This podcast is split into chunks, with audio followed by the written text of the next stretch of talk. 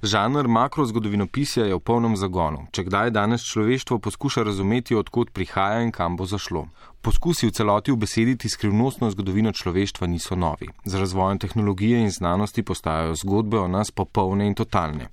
Pripovedujejo jih denimo Juval Noah Harari, ki je pri nas najbolj znan po delih Sapiens, kratka zgodovina človeštva, 21 na svetu za 21. stoletje, Homo Deus, kratka zgodovina prihodnosti, Jared Diamond s knjigami kot so Propad civilizacij, Puške, Bacili in Jeklo in seveda številni drugi.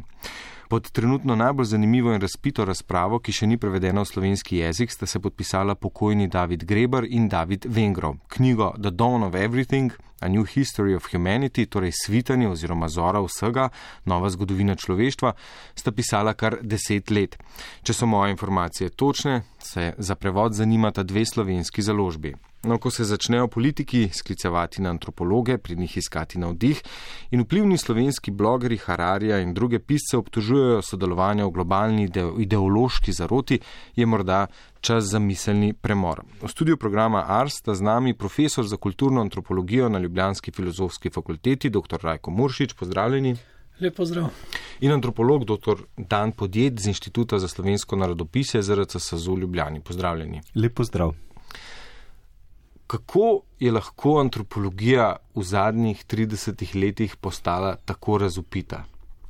Tukaj imam v mislih tudi antropologijo vsakdanjega življenja, antropologijo velikega podatkovja, ampak prav antropologija se mi zdi, da je tista veda, ki ima, ki ima pa danes odgovore. Mm, to je pa zelo dobra novica. Prosto, uh, uh, sem zelo vesel, da lahko začnemo z njo. Uh, antropologija namreč kar nekaj desetletij ni imela tako velikega pomena in antropologov niso kaj dosti poslušali, vse od znamenitega Levi Strosa naprej. Se mi zdi, da je bila v upadu, v zadnjih dveh, treh desetletjih je pa postala pomembna zaradi več razlogov. Ampak glavni je ta, da je ena redkih družboslovnih ved, ki še ohranja stik z živo resničnostjo živih ljudi. To je prvi uh, ultimativen razlog. Drugi je pa ta, da se je vendarle po obdobju obdobju, ko so se antropologi bolj zanimali sami zase in za svojo lastno vedo, vendarle začela tudi odpirati. Ne. Odpira se pa zopet na dveh eh, področjih. Eno je, končno smo ponovno prišli do eh, izziva, v katerem moramo antropologi nekaj povedati o človeštvu kot celoti in o tem bo tekla danes eh, beseda predvsej bolj.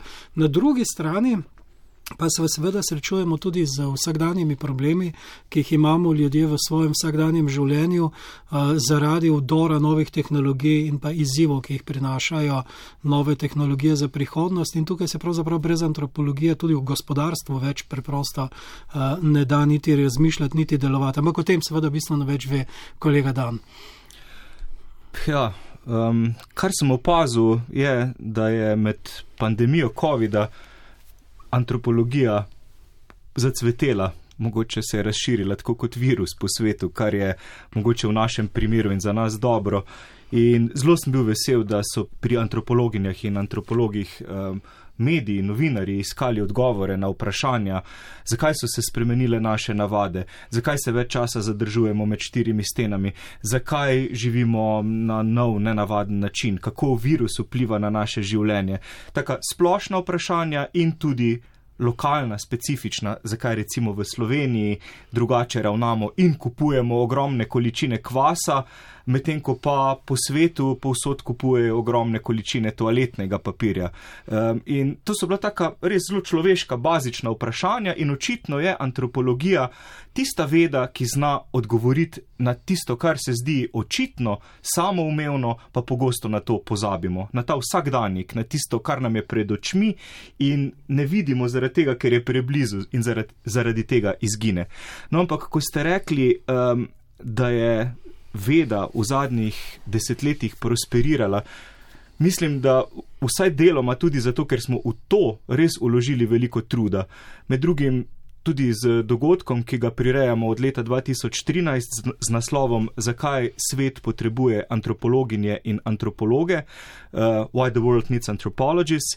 In ta dogodek smo priredili prvič uh, v Amsterdamu, leta 2013, potem smo se preselili v Italijo, v Padovo, potem smo imeli dogodek v Ljubljani, v Estoniji, v Durhamu, v Veliki Britaniji v, in še marsikje. Pragi.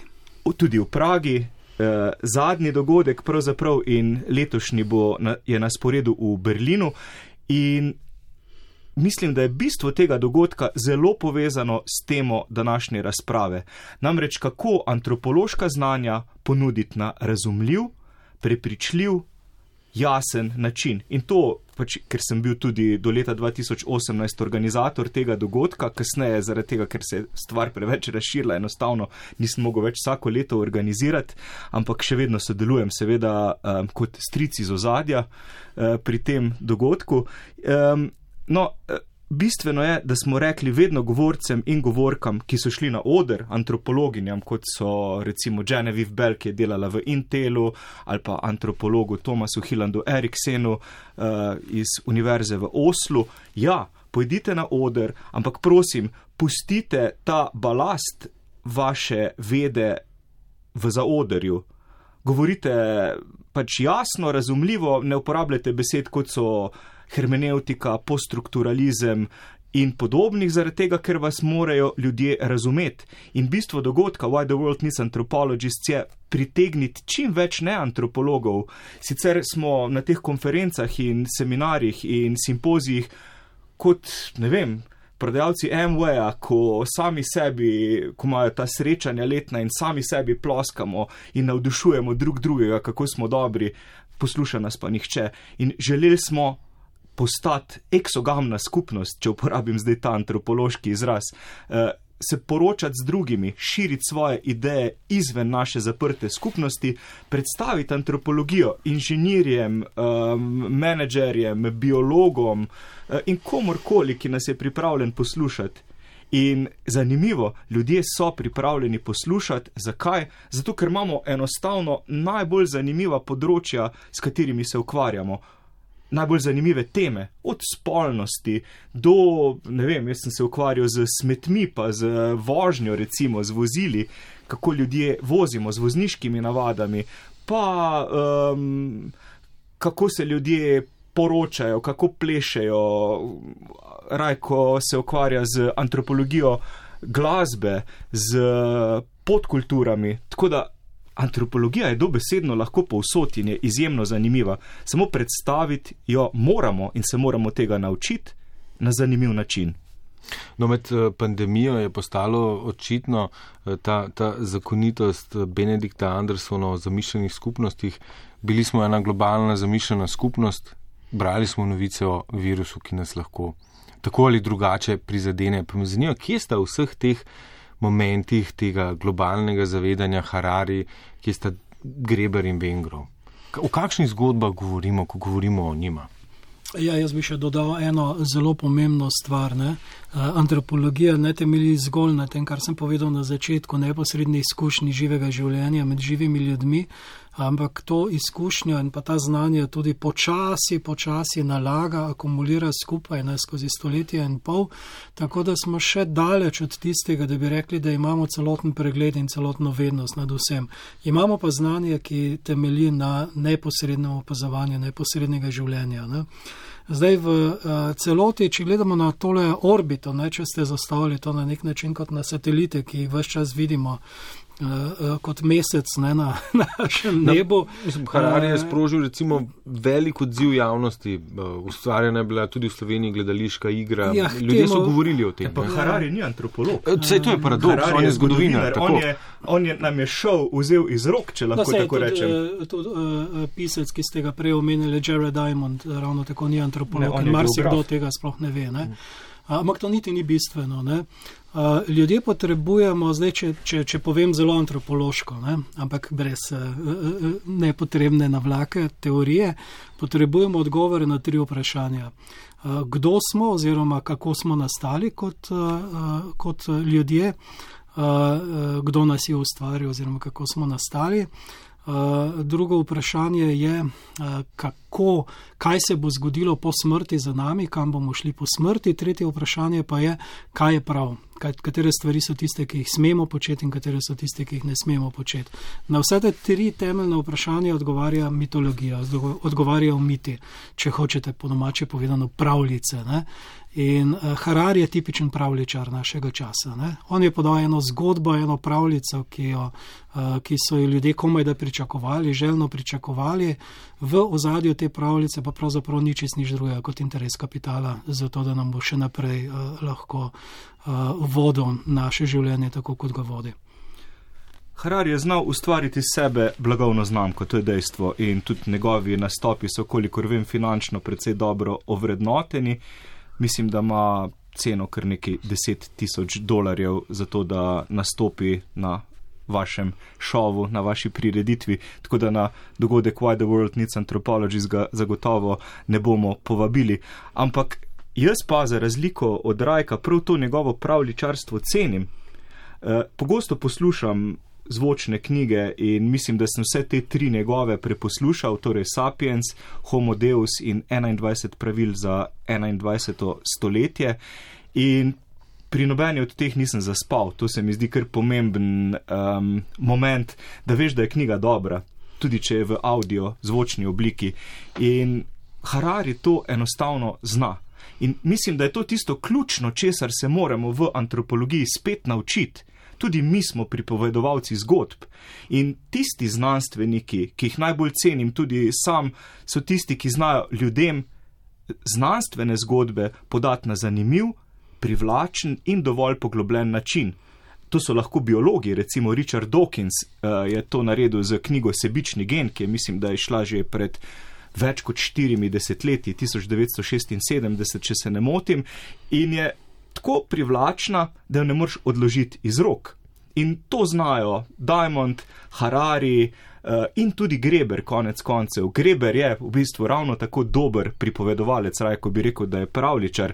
Ampak mislim, da se moramo spet v antropologiji naučiti pripovedovati te velike zgodbe, ker na ta način se ljudi enostavno dotaknemo in na ta način jih dobimo na svojo stran, v svojo vedo. Na ta način je recimo. Um, Stephen Hawking naredil ogromno za fiziko, s tem, ko je um, objavil. Ja, astrofizika je postala hobi. Ne? Astrofizika je postala hobi in astrofizika ni postala več nekaj, kar bi bilo enigmatično, zaprto v slonokoščenem stolpu, ampak je postalo nekaj, kar lahko berejo celo otroci. Recimo, moj, imam tri sinove in ta srednji, Gregor, on z užitkom požira uh, Hawkingove knjige, zaradi tega, ker so napisane tako, da jih razumejo celo otroci. In na nek način je to bistvo znanosti, torej ne samo predstaviti ugotovitve izjemno oski vedi strokovnjakov, ampak povedati, kaj si ugotovil na tak način, da to razumejo ljudje. Ne pravim, da morajo to početi vsi in vedno, nikakor ne. Ne zagovarjam banalizacije znanosti, menim pa, da je ta kanček popularizacije nujen v vsaki vedi. Doktor Mušič, prej ste omenili interese kapitala. Mislite, da to Harari počne z nekim premislekom ali pač ja, je, je to neka emergenca? Ne, ne, ne. Uh, Harari je produkt pač našega časa, ne, ena hajpana, uh, skoraj da kultna oseba, ne, ki pač lahko proda karkoli mu pride na misel, zato ker prodaja tisto, kar bi ljudje želeli slišati. Zdaj, naj, naj, najboljša ironija usode, ne, k, uh, uh, ki, ki jo mogoče lahko potegnemo iz, uh, kot paralelo tele zgodbe, je uh, usoda knjige Sebični gen uh, Richarda Dawkinsa. Uh, to je uh, uh, v zadnjem poglavju se dotakne recimo temu humanistično-družboslovnih temeljev in potem razmišlja spekulativno, brez kakršne koli znanstvene podlage, da ne bo glede tega kakršne koli pomote, ne, uh, o uh, nekem konceptu, nekega nosilca uh, zamisli ne, na podoben način, kot so geni nosilci naše, recimo temu, uh, našega uh, uh, genotipa. Ne. Prav nič ni na tem znanstvenega in tudi ne more biti. Ampak beseda mim, ne, mem, ki jo je takrat uvedel, ne, se je prijela v, v naši govorici. In hvala Bogu se je zgodila ironija usode, v kateri je mim končno doživel svojo smiselno inkarnacijo ne, v okviru teh memov oziroma mimov ne, v, na, v družbenih omrežjih. Ne. Tam ima svoj smisel ne, in tam je zdaj na nek način zasidran. Ne. Ampak pazite, a obstaja katerikoli mim. Iz tega uh, socialnih uh, omrežij, ne, ki bi imel to lasnost, ki je magen. Ne, to je zdaj tisto ključno vprašanje. Sveda ne. In je tudi ne more imeti, to pač ponavljam. Ne. To ni samo stvar, ki, je, eh, ki nima znanstvene podlage, ampak je stvar, ki ne more imeti znanstvene podlage. Ne. Znanstvene podlage ne morejo imeti trditve, ki jih ni mogoče ovreči. Ne, to, je, eh, to je temeljno pravilo v znanosti. Ne. In tako, ko naletimo na neko takšno idejo, ne, na neko tako zamisel, ki ni, mo ni mogoče ovreči, naletimo seveda na področje, ki je zunaj znanosti. Ne. In Harari je najbolj tipičen primer takšnega pisanja. Ne. Hararijeve teze, ki, na katere naletimo, se so sila preproste. Ne, pač, človek, človeška zgodovina nima nobenega smisla, ne osmislijo pač tisti trenutek, ko gledamo v zgodovini nazaj, to ve vsak zgodovinar po dveh mesecih študija zgodovine. Ne, eh, ta praznina, ne, s katero nastopa, je na nek način. Ne samo neulovljiva, ampak neuničljiva. Zaradi tega, ker katerikoli empiričen uh, problem, katero koli empirično dejstvo, ne, ki postavi neko trditev na laž, ne, uh, se postavi v tisto polje, v katerem že inkorporiraš tudi morebitno nasprotno trditev v tisto trditev, ki jo postavljaš. Ne. In tukaj, tukaj so ti mojstri uh, pripovedovanja, kot pravi Dan, ne, mojstri nad vsemi mojstri. Ne. Zdaj pa treba ločiti, zdaj v filozofiji ločujemo med logiko in retoriko. Ne. Logika je seveda tisto, kar je um, smiselno izjavljanje, ne, ki izhaja iz drugega smiselnega izjavljanja in je smiselno samo toliko, koliko je smiselno začetno izjavljanje. Medtem ko pa pri retoriki, pa ne, ni tako. Ne. Pri retoriki pa gre za to, da boš ti z uh, besedami prepričal nekega drugega človeka, da imaš prav. Ne glede na to, imaš uh, faktično prav, ne glede na to, imaš tudi sicer prav. Ne. In uh, če, se, če še malo drugače povem, v filozofiji uh, so zgodni filozofi ločili med uh, nečim, kar je mnenje in nečim, kar je znanje. Ne? Mnenje so v starogrščini se imenuje ta zadeva doksa, ne? poimenovali kot navidezno znanje, ne? kot tisto znanje, ki morda lahko ima tudi neko težo, ne? medtem ko na drugi strani ta pravo znanje, ne? ki ima nekaj več relevance, je bilo pa episteme, ne? skratka tisto znanje, ki pa vendarle ima neko malo bolj resno podlago. Ne? No, in danes eh, s, eh, smo prišli v obdobje, ko prevladuje ena zadeva, ki jo je poimenoval en zgodovinar eh, znanosti. Ki, se nikoli, ki ga se ga nikoli ne spomnim na pamet, tako da moram pogledati, Robert Proctor, kot agnotologija. Torej, obdobje, v katerem niti ni bistveno, ali imaš neko znanje, ne, ali nimaš tega znanja, oziroma je neznanje celo še bolj pomembno, zato da bodo retorični triki delovali. Ne? Zdaj, da dam en primer iz, iz Hararijeve knjige, jih je pa tudi nekaj pri uh, Greberjevi in uh, Wengrovovi. Uh, eno, od, eno od ključnih uh, vprašanj um, celotne, če rečemo tako, zgodovine človeštva je seveda evolucijski razvoj uh, v. Uh, obdobju teh nekaj milijonov let. Ne, evolucija je neko dogajanje v naravi, ki je trajno. Ne. Edina trajna stvar je seveda evolucija sama po sebi. Ne glede na to, da govorimo o tistih velikih prelomih, ki se zgodijo v celotni evoluciji, praviloma zaradi kakšne naravne nesreče ali pa kakšnega drugega, druge okoliščine, ne, ko se morajo, ko se vse karte premešajo na novo ne, in se dobiš potem neko obdobje stabilnosti, ki imaš občutek, da evolucija več ne deluje. Ne. Ampak na kratek rok seveda evolucije ne vidimo razen pri virusu, ne, smo zdaj eh, dobili zelo dober eh, nazoren prikaz, kako evolucija pravzaprav deluje v eh, naravi. Ne. Ampak pri Harariju ne, tega občutka ni. Ne. Tam se postavijo neki določeni temelji, aha, človeštvo se je pojavilo, takrat človeštvo je delovalo na ta način in celo na nekem mestu zelo eksplicitno pove, da. Um, ponuja nekaj starih mitov, ki nimajo prav nobene zveze z resničnostjo, ne, da, so, uh, da so bili pač naši predniki, torej vrste Homo sapiens, pač močnejši in uh, bolje uh, prilagojeni, zaradi tega, ker so v nekem trenutku seveda.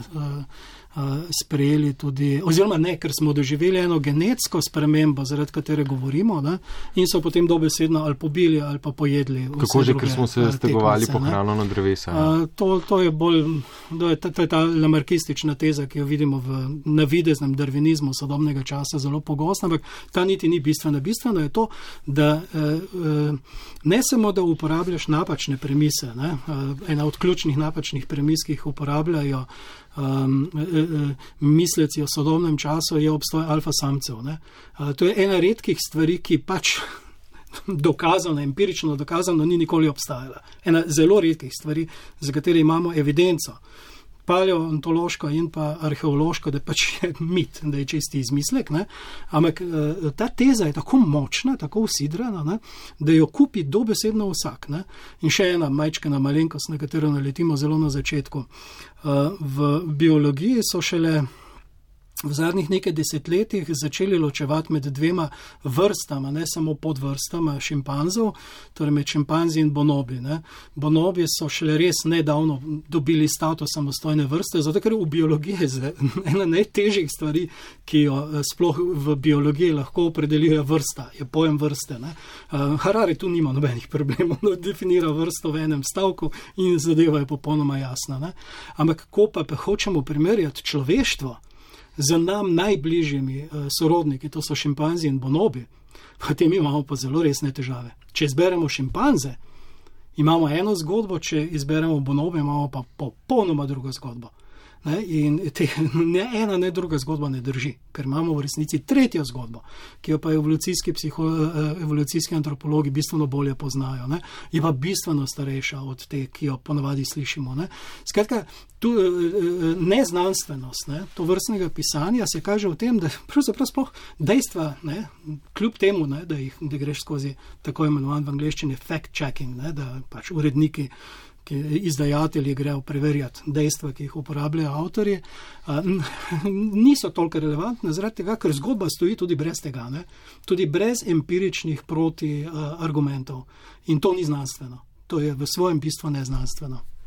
Če ta zgodba potem v bistvu pravljica, je morda pravo vprašanje, doktor Dan podjet, zakaj nas je tako pritegnila, zakaj smo tako žejni zgodbe od prapoka do dna Marijanskega jarka.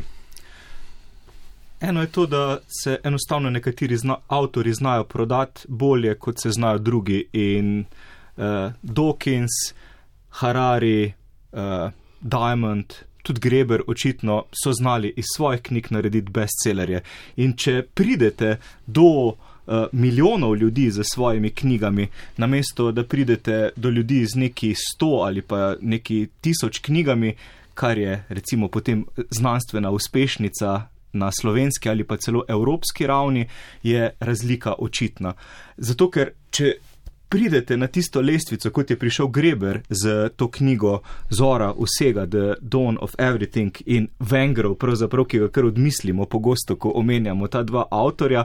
Čeprav je Greber pokojen in Vengrov je dokončal knjigo. Ja. Tako in jaz mislim, da je tudi večino dela pravzaprav na pravu. No, večina je verjetno ne, je še vedno približno pol pol, ne? ampak en zelo pomemben del je pa on. No, ampak ja. znal je Greber narediti prav tisto, kar, uh, česar Vengrov sam verjetno ne bi znal to vključi to pripovedništvo, um, kot smo se pogovarjali prej, pred to oddajo. E, to, tist, to so tisti deli knjige, uh, pri katerih gotovo ne zaspiš tisto, kar je Greber napisal, zato ker je res izjemen. Bil izjemen avtor, izjemen pisec. In um, nekateri avtori znajo iz sebe dobesedno narediti meme, ko smo jih že prej mhm. omenili. Tako kot je tudi Dawkins postal mem in njegova knjiga o memetiki je postala mem sam po sebi in se širi po svetu, ker si jo izposojamo v knjižnicah, ker si jo posojamo drug drugemu, ker brez te knjige, tudi brez uh, Greberja in Vengrova, ta hip. Ne moreš obstajati kot družboslovec in humanist, če je vsaj ne poznaš tako kot um, moč poznati pač uh, Marksa, pa tudi če ga nikoli nisi odprl, če uh, se ukvarjaš z družboslovjem. No, uh, In to so ta temeljna dela, ki pa niso nujno prelomna v tem smislu, da bi bilo to nekaj, kar bi bilo bodi si dobro, bodi si znanstveno utemeljeno, ampak ne smemo jih pa spregledati. Jaz mislim, da so v tem smislu to ključna in prelomna dela, zato ker jih je bralo na milijone ljudi, ker so prišle, recimo Greber je prišel na uh, uspešnice New York Timesa. Med, mislim, da je bil med desetimi najbolj branimi knjigami pred uh, časom, ki mi jih ponuja, mimo grede, uh, aplikacija, po kateri poslušam knjige, ki jo ima v lasti podjetje Amazon, in, ki deluje po načelu velikih števil. Več ljudi, ko to bere, um, več Eh, ljudem se to ponudi kot neka uspešnica in v takem svetu živimo, v svetu velikih števil, v svetu, kjer uspejo redki, v izjemno neoliberalnem svetu, pravzaprav tudi na področju znanosti in na področju citiranosti. Tisti, ki so uh, najbolj uspešni, so najbolj citirani in tisti, ki so najbolj citirani, napišejo druga dela, ki so spet uh, citirana.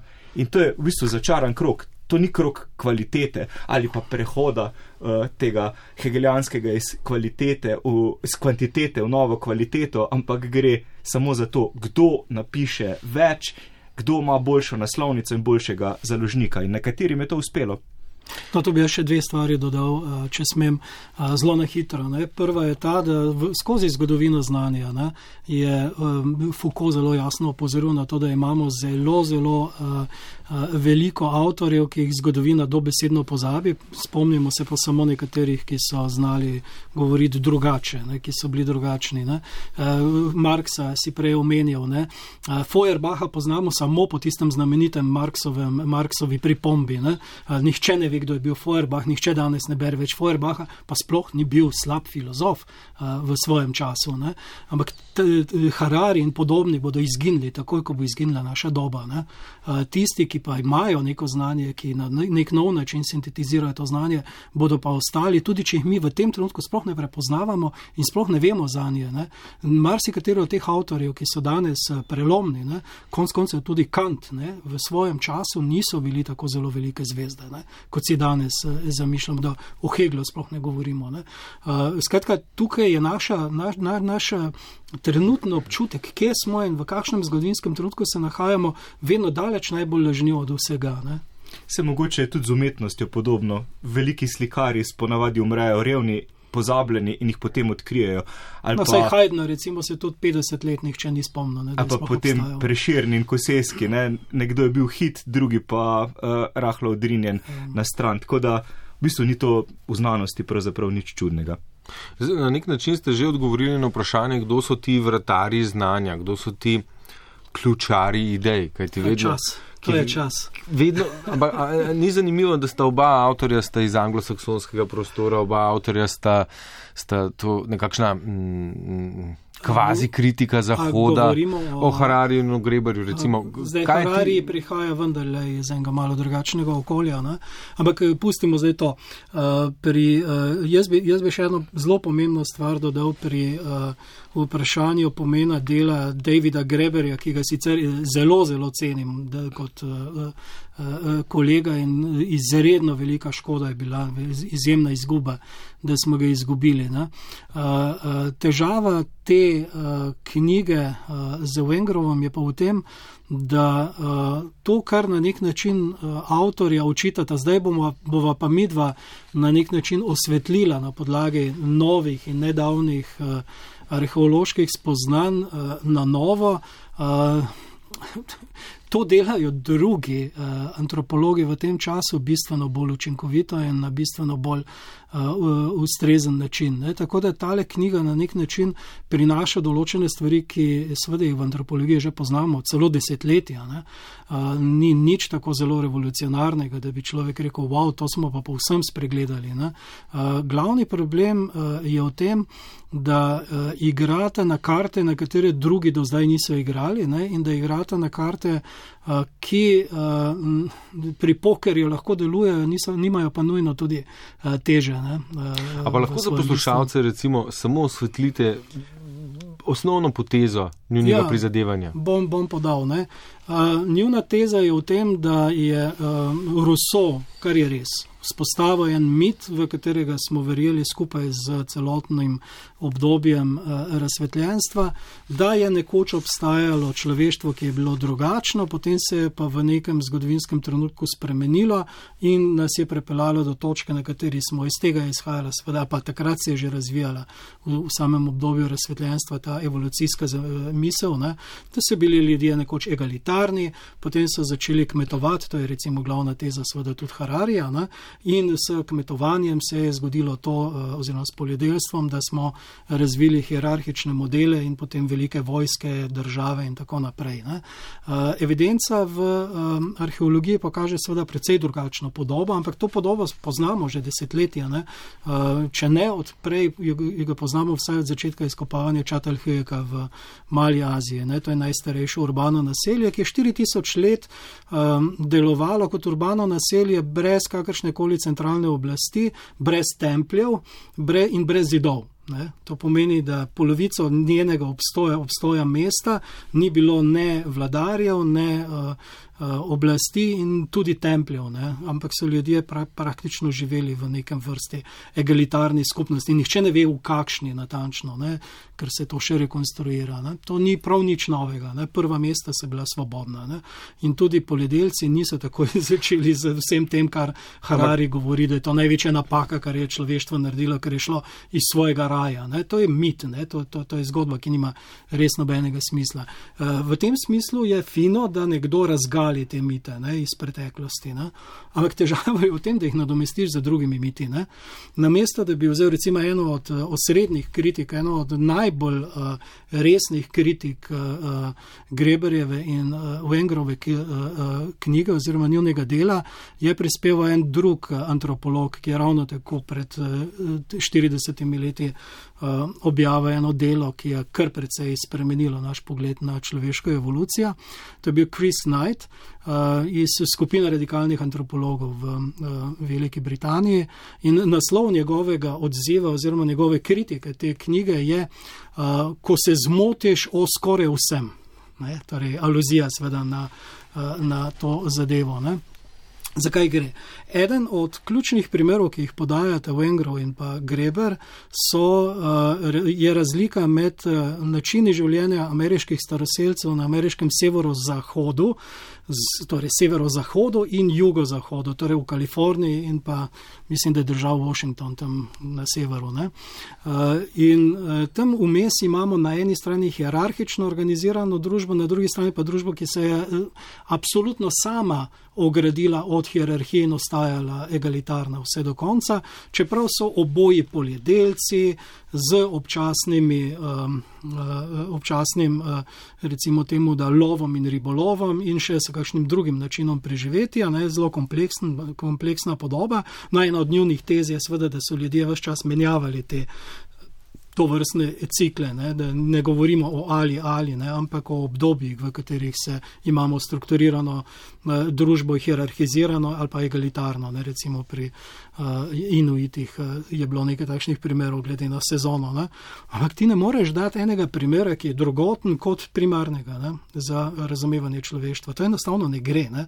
Uh, primarno, uh, primarna oblika oblikovanja človeške uh, družbe, če govorimo zdaj samo o naši vrsti, homo sapiens, ki se je začela pred 300 tisoč leti in se na nek način m, ključno preoblikovala pred okoli 150 tisoč leti in dokončno postala to, kar smo danes pred 40 tisoč leti. Približno to so zdaj približni okviri, ki jih imamo glede na. Um, arheološko evidenco, ne, uh, je, je človeštvo živelo, to, to naš, naša vrsta se je razvila v Afriki ne, in v okolju, ki je ekološko gledano popolnoma drugačno od okolja na severu. Ne. Uh, uh, če, če zelo poenostavim, to je pa vendarle potrebno znati nekaj malega astronomije. Ne.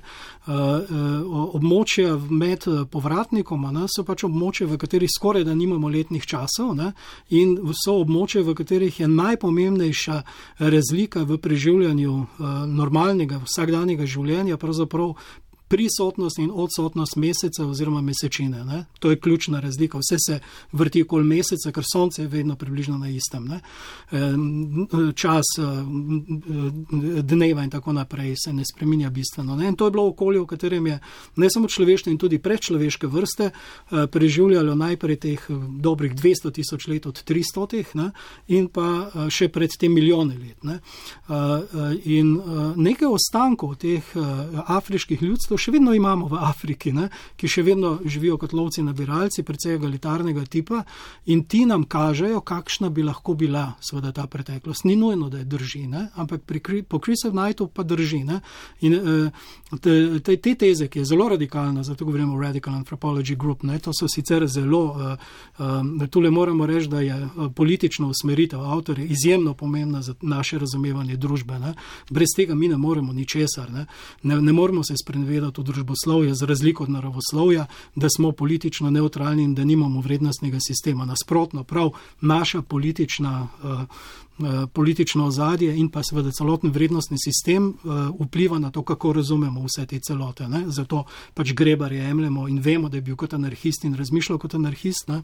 in vemo, da nekateri drugi razmišljajo precej drugače od njega. Ampak bistveno je to, zdaj ta Radical Anthropology Group s Chrisom Knightom, je pa marksistično bistveno bolj uh, poudarjena in so odkrili, da nam je to, če mu rečemo simbolna kultura, preneslo, uh, so nam prenesle ženske koalicije, pri Harariju tega ni, sploh ne obstaja. Ne, ne, imamo, ne omenjajo. Ja. Ne, uh, omenjajo moške koalicije moške koalicije, teh eh, alfa samcev in tako naprej, ne, te omenja. Ampak eh, bistveno je to, da je Afrika dejansko tisto jedro, iz katerega se je razvilo človeštvo in da so prilagoditve potem na odhod na sever pa drugačne. Ne, tam pa seveda letni časi pridejo še kako do izraza, tako ko gremo seveda nad 45 stopinj, tole, ker smo mi zdaj, ne, proti 60 stopinjam pridemo v popolnoma drugačne uh, okolje in postane sonce bistveno pomembnejše od meseca, ne, o katerem sem govoril prej. Ne? In s tem se tudi celotna struktura, celoten ritem življenja, vse se spremeni, ne? celotna mitologija se temu prilagodi. Ne?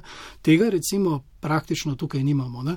Tako da uh, glavni problem je v tem, da ne v tem, kaj ti upoštevaš kot temelj uh, tvojih lastnih argumentov v uh, takšnih delih, ne? kot sta ti dve deli, ampak česa ne tu je bolj pomembno, ne?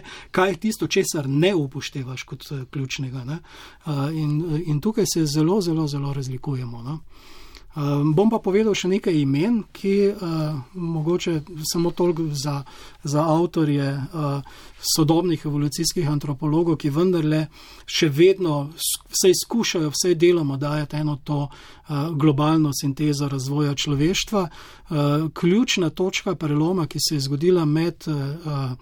Eh, med eh, sedanjimi človekov sorodnimi opicami, ne, torej imamo samo štiri te vrste, oziroma če bonobo in šimpanze štejemo kot dve, jih imamo pet. Eh, in človeštvom se je zgodila ne samo pred petimi do sedmimi milijoni let, ko smo se rešili med šimpanzi in bonobi, ne, ampak še, še nekaj milijonov let pred tem. In ena od ključnih prvin naše specifike, specifike vseh vrst, iz katerih se je razvil Homo sapiens, uh, uh, še posebej Homo erectus, ki je mogoče pač imel najdaljšo zgodovinsko obdobje, skoraj dveh milijonov let, uh, je v tem, da so samice v tej naši proto, ne, vrsti protodelitvi, bile pripravljene poskrbeti za mladiče tudi drugih samic, kar, kar ni značilnost nekaterih drugih človekov eh, podobnih vrst. Ne? Skratka, ta, če rečem, ženska solidarnost pri Eh, te najelementarnejše reprodukcije ne, eh, je vodila v oblike solidarnosti in družbenega življenja, ki so se skozi evolucijo, to pa moramo razumeti. Hkrati imamo to biološko eh, evolucijo, kateri, o kateri govorimo, so čisto somatičnega zornega kota, ne, razvoj možganov in tako naprej. Ne, evolucijo našega ravnanja oziroma praks, ne, družbenega ravnanja in družbene organizacije in čisto na koncu, proti koncu še simbolne kulture, simbolno zaznamovanje negovane kulture, ki prihaja do, iz različnih virov, dokler se ne pride do tistega nekakšnega velikega poka, ki ga nekateri pripisujejo seveda neki genetski spremembi. Jaz sem pa v, v, bistveno bolj prepričan, da je zgolj tisti trenutek, ko pa je prišlo do transformacije neke kvantitete v kvaliteto, kar pomeni, da so se različne prakse skupaj s temi ženskimi koalicijami, ki so hlinile uh, menstruacijo za okro, to je pa dokazano, prva stvar, ki so jo pridelovali za simbolne prakse 150 tisoč let nazaj, uh, se je počasi transformiralo, ko se je pa zgodil ta preskok, da smo začeli govoriti, to se je pa zgodilo tam med 50 in 40 tisoč leti pred našimi štetji, je prišlo pa do totalne eksplozije v kateri se je naša vrsta radikalno spremenila. Ne? In šele deset tisočletja potem so, je prišlo do nadaljnih sprememb. Ne? Ampak naša usoda ni zapisana v genih, niti v tej evoluciji. Naša usoda je zapisana v naši zmožnosti anticipiranja tiste prihodnosti, ki jo še lahko doživimo. In tukaj je recimo eno teh evolucijskih antropologov pokazal na ključ, ki je pomagal pri razvoju naše vrste, to je imaginacija oziroma domiselnost. Ne? To je pa Augustin Fuentes, mogoče on najpomembnejši evolucijski antropolog sedanjega časa. Prav zdaj v teh dneh eh, bo izšla druga eh, izdaja njegove knjige, ki je kar precej pretresla, eh, recimo temu znanstveno, srenijo v antropologiji in pa sorodnih vedah o rasi, monogamiji in drugih lažeh o katerih so vam eh, pripovedovali, oziroma kako se sujemo mite o človeški naravi. Ne.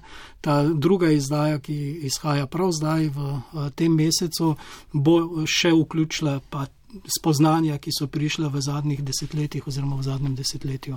Tako da tukaj imamo ogromno znanja. Ne? Zdaj Harari je pomemben ali pa uh, Greber in Vengro zato, da, uh, da sta vzpostavila zanimanje za te stvari. Ne?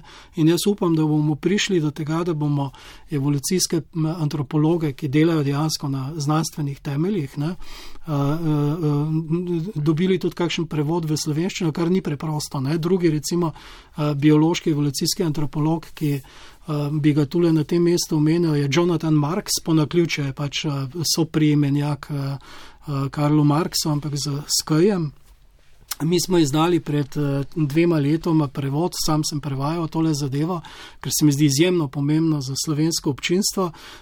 Majhno knjižico je znanost rasistična, v kateri pokaže zelo jasno, da se v evolucijski psihologiji, na katero se naslanja predvsem Harari, bistveno manj, seveda, skoraj nič Greber in pa Vengrov, da se tam pravzaprav bije glavna ideološka fronta sedanjega časa med rasistično usmerjeno znanostjo in protirasistično znanostjo in rasistično usmerjeno dobiva striktno financiranje od tistih, ki so zainteresirani za to, da razlagajo svet na ta način, da smo pač biološko dovolj drugačni oziroma da, da je ljudi treba deliti na posamezne razrede boljših in slabših ljudi. Ne?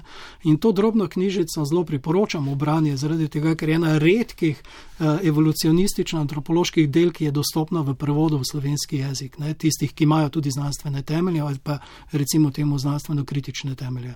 Se opravičujem, da sem bil tako dolg, ampak moral sem povedati uh, seveda par stvari.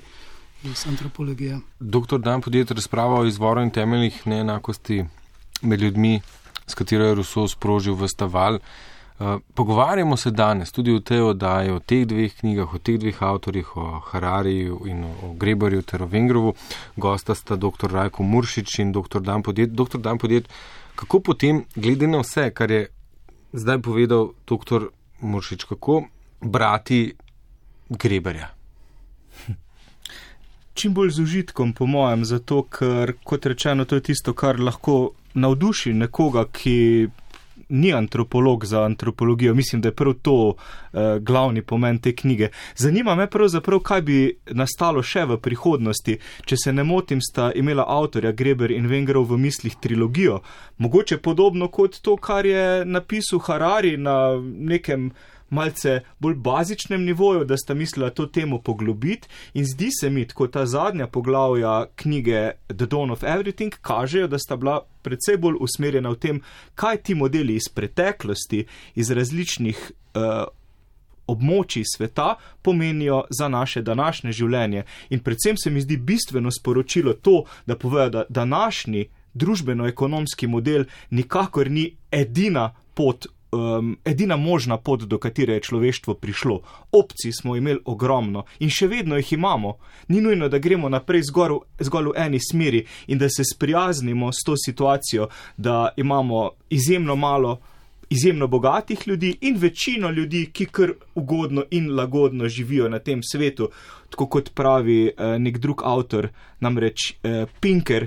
Eh, o tem, da vse nam ni slabo, pravzaprav. Ne? Zakaj bi se pa sekirali? Ne, pač, v slogu, da nikoli ni bilo tako dobro. Niko, točno to, še nikoli ni bilo tako dobro. Poglejmo samo nazaj, eh, kako slabo so ljudje živeli pred 500 leti, da ne govorimo pred eh, 50 tisoč leti. Ampak, Če se recimo empirični podatki o življenju recimo na slovenskem med eh, 8 in 12 stoletjem ne govorijo. Ne? Ljudje so živeli zelo dobro, pravzaprav. Ali pa tudi, kar govori Marš. Marshall Salins v knjigi Ekonomika kamene dobe, ki je bila pravzaprav tudi eden od takih mini bestsellerjev, recimo v, pred 50 leti, približno, ko je izšla. On razlaga, da so naši kamenodobni predniki v bistvu živeli fino, da so delali bistveno manj, kot delamo danes, mislim, da pravi tam od 3 do 5 ur dnevno in kaj je pomenilo delati, da si nabiral ali lovil hrano, pripravljal hrano in da so imeli preostali čas za tisto, kar si zdaj samo želimo, za ples. No, pravzaprav so večino, večino svojega časa ljudje v celotni zgodovini preživeli za zabavo. Ne? To največkrat pozabljamo. Ljudje so si pripovedovali zgodbe, zdaj govorim od takrat, ko so se naučili sploh govoriti, odkar imamo simbolno komunikacijo. Ljudje so še predtem prav gotovo tudi plesali ne, in iskali določene oblike ekstaze in pa uh, teh halucinogenih izkušenj že dolgo predtem, uh, in pa, kar je najpomembnejše, ne skrbeli so drug za drugega. Zdaj, to, to je ključno. Margaret Mead je nekje, ko so enkrat vprašali, kaj je bilo ključno za človeštvo, kje je, tisto, kje je tista točka, pri kateri človeštvo prepoznavamo, povedali, ja, tam, ko smo, ko, ko smo videli pri arheoloških izkopavanjih, da so nekoga, ki je imel zelo resno poškodbo, ne spomnim se točno ali uh, zelo mnoge ali nekaj podobnega, ne, da so ga očitno oskrbeli in je lahko preživel. Mislim, da so ljudje od trganino celo. Ali od trganino, ne vem točno zakaj. No, v glavnem, eh, če, ko gre za eno tako poškodbo, pri kateri bi sicer eh, človek umrl ne, ali pa ne bi mogel sam preživeti, so poskrbeli za njega. In to je za človeštvo samo umevno, ne od, od kar imamo, ne vem, bogove, ki nam tako ukazujejo, ampak že dolgo, dolgo, dolgo predtem. Ne, ta skrb za druge, skrb za ljudi, ki imajo takšne ali drugačne oblike oviranosti. Ne? To je najbolj človeško, ta najbolj temeljna človeška solidarnost. Ne? In besedo solidarnost, ne vem, če jo najdemo pri Hararju, dvomim, da je sploh uh, uporabo uh, in še celo pri Greberju. Ne?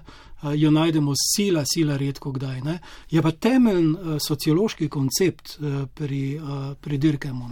No, ampak pozabljamo. Greber kot antropolog precej izhaja iz svojega tudi ideološkega ozadja, iz anarhizma pravzaprav in po mojem verjetno tudi iz Kropotkina in ideje o solidarnosti, da je solidarnost pravzaprav tisti temelj, na katerem eh, stoji človeštvo, ne pa kot pri Harariju, predvsej bolj ta neoliberalna ideja ali pa pri Pinkerju. Torej, uspeli bodo redki, ampak tisti bodo pa poskrbeli tudi za druge, da se bodo imeli približno. Pri čemer se to zdaj dobro. dogaja. No, jaz bi rad samo še nekaj dodal. Ne? Za vidika antropologije ne Harari, ne Pinker nista znanstvenika. Sta pa napisala, in to je problem antropološke uspešnice. Ja.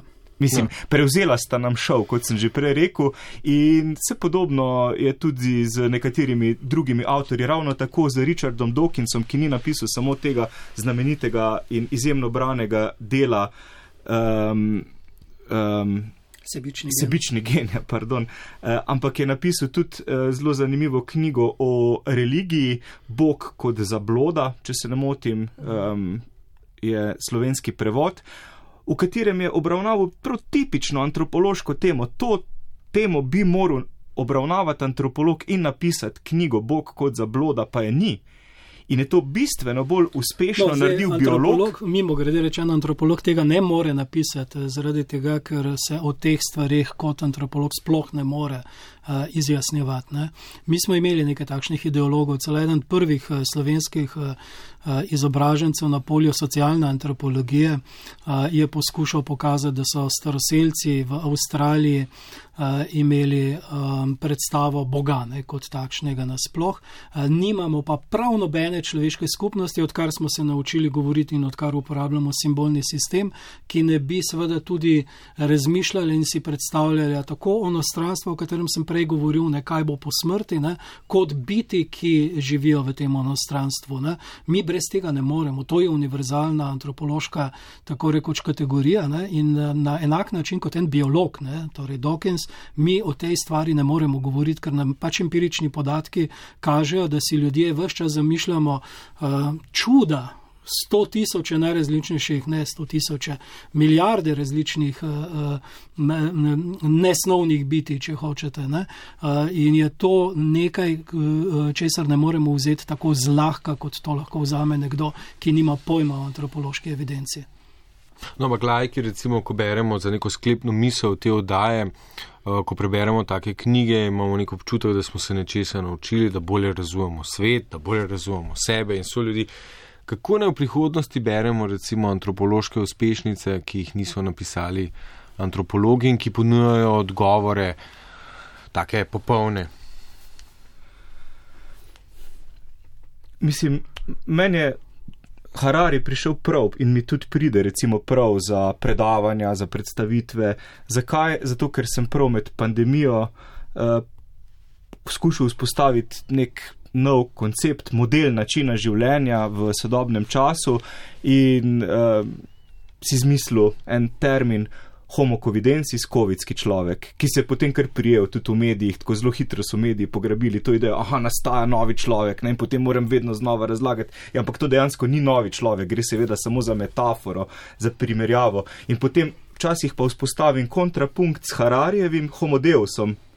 Um, pač homokovidenci je človek, ki večino časa prebije pred ekrani, ki je pred zaslonom 8 do 9 ur dnevno v povprečju, ki je uh, tlačan digitalnega feudalizma, kar je naslednja neka nova fraza, ki jo pogosto slišimo, ki je, če so, ki je, če so razmere za Avstrijo, tudi solidaren.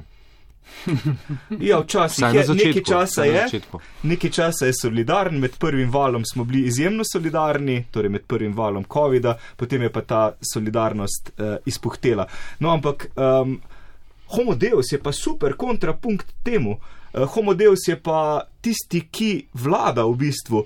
Homo Deus je recimo Jeff Bezos, ki je zaslužil v enem letu zaradi Homo Covidensisa, kovidskega človeka, našega načina življenja, skoraj 100 milijard dolarjev in se potem simbolično v začetku lanskega leta izstrelil z raketo v obliki penisa v nebo. Meni se zdi tako, to zelo zanimivo simbolno dejanje. Ne? In ko pač predavam o tem, uporabim oba ta dva termina, ki pa sta seveda namenjena zbujanju zanimanja za neko temo, za to novo antropologijo ali pa antropologijo današnjega vsakdanjika, da um, je tam gor med digitalnimi in fizičnimi oblaki neko bitje, ki se mu reče Homo Deus in je v bistvu to Jeff Bezos ali pa Mark Zuckerberg ali pa kdorkoli drug, ki živi od naših podatkov in naših digitalnih dvojnikov, mi pa smo tisti, ki smo z nogami obtičali v blatu ali pa v tem digitalnem blatu in eh, nam vse čas črpajo podatke. Um, ta skupina ljudi, ki bi jim lahko rekli homokovidenci, je izjemno velika. Teh, ki pa bodo lahko nadgradili svoje umske sposobnosti s pomočjo Neuralinka, recimo, ki ga razvija Elon Musk, ali pa si podaljša življenje s pomočjo prehranskih dodatkov uh, in drugih uh, intervencij v telo, uh, teh ljudi bo pa izjemno malo.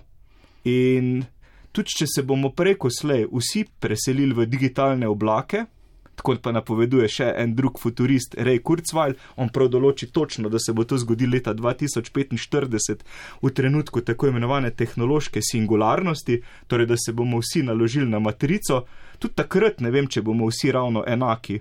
Zdaj, če bomo imeli vsi isti operacijski sistem, bomo mogoče po svetu gledali vsi enako, samo eni bomo gledali oglase, pa bomo morali mogoče plačati za to, da nam jih izklopijo.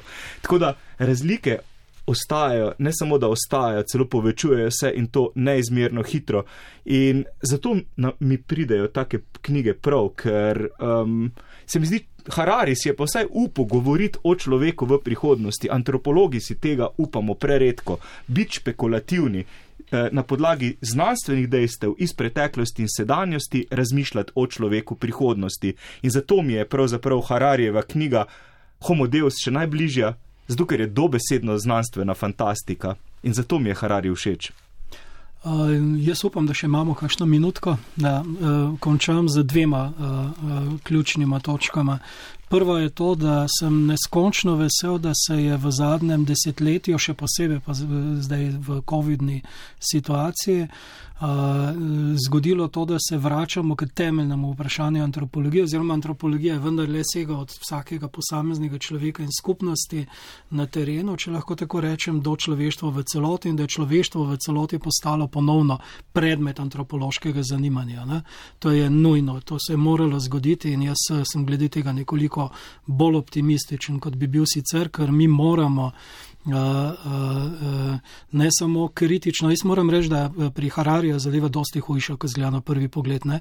Mi ne moremo kritizirati enega takšnega zmaska v znanstvenem smislu in ga tudi ne moremo imati resno. Ne. Nam da mogoče lahko inspiracijo, ne, da bomo razmišljali o tem in predstavili stvari, ampak tega ne moremo imati niti kot izhodišče neke kritike. Ne. No in s, to, s tem bi pa rad končal.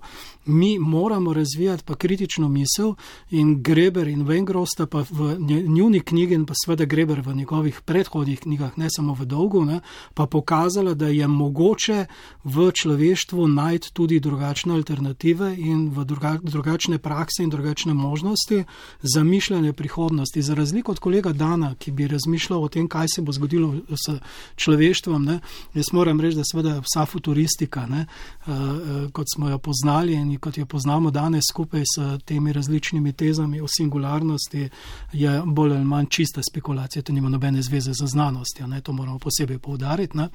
Um, in to se pa, pa če zagotovo ne leta 2045 ne nikoli ne bo zgodilo, ampak pustimo zdaj to uh, v oklepaju. Za nas je bistveno to, da, da ohranimo določeno kritično distanco do svojega lastnega okolja in antropologija je bila vse čas kritična do, oziroma antropologi in antropologinje do svoje lastne družbe in svoje lastne zgodovine, svoje lastne vsakdanje vsakdanjosti, da moramo ostati kritični do vseh prvin kolonialne in eurocentrične misli, kar je imamo na najrazličnejše odprte načine z iskanjem novih možnih epistemologij, vendar znanstvenih, ne neznanstvenih in na koncu razlika, ključna razlika med družboslovnim pristopom, o katerem smo govorili danes, in naravoslovnim pristopom, ki se skriva v ozadju um, recimo evolucionistične, e, e, evolucijske psihologije, je v tem, da je družboslovje znanstveno tam, kjer se lahko zelo dobro sooči z minljivim posamičnim, ne pa z univerzalno splošnim, in na drugi strani izjemno plodno tam, kjer razvije določene kritične primerjalne momente, v katerih lahko poskušamo prepoznati globlje prvine uh, strukturacije oziroma ureja, uh, urejanja družbe. Ne? In ena od točk, ki uh, zelo manjka v naših razpravah o človeštvu, je eh, vprašanje eh, prihodnosti.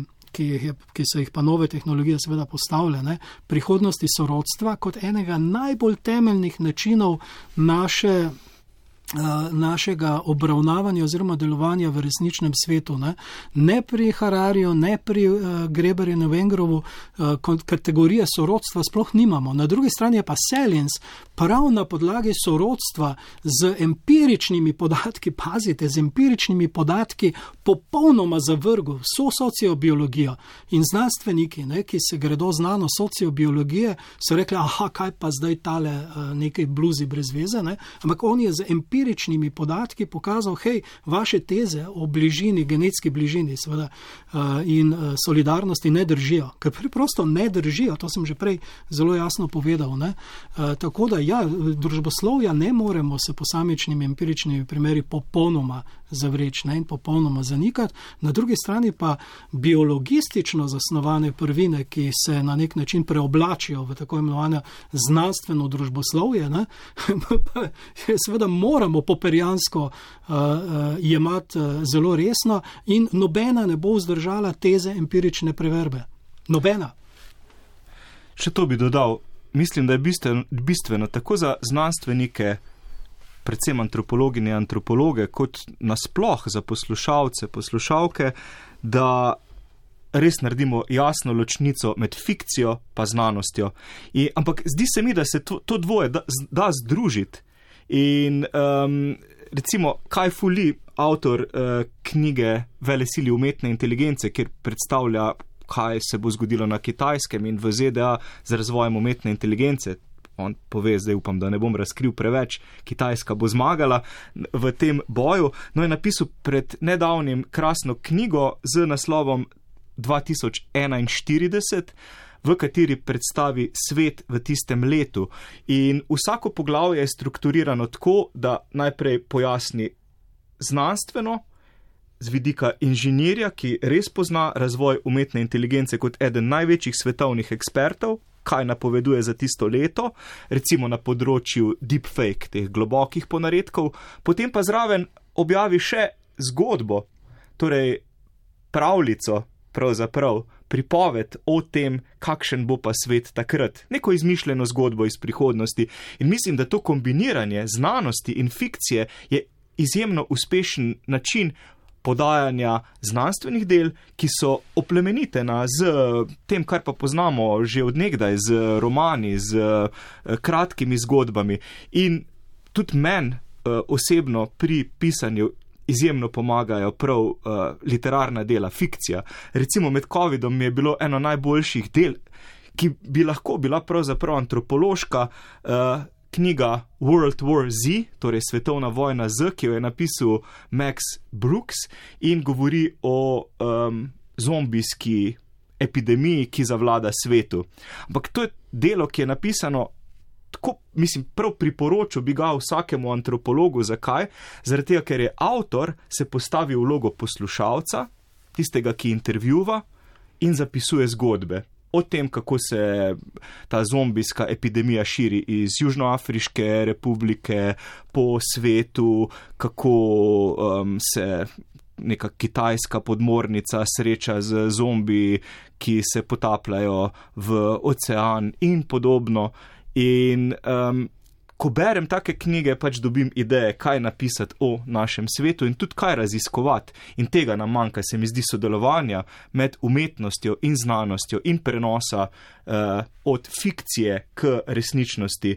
Mislim, da moramo pač enostavno več sodelovati, ne samo znanstveniki med sabo, naravoslovci, pa um, humanisti, družboslovci, ampak tudi uh, sodelovati z tistimi, ki niso znanstveniki, včasih moramo biti mal bolj eksogamna in ne tako endogamna skupnost.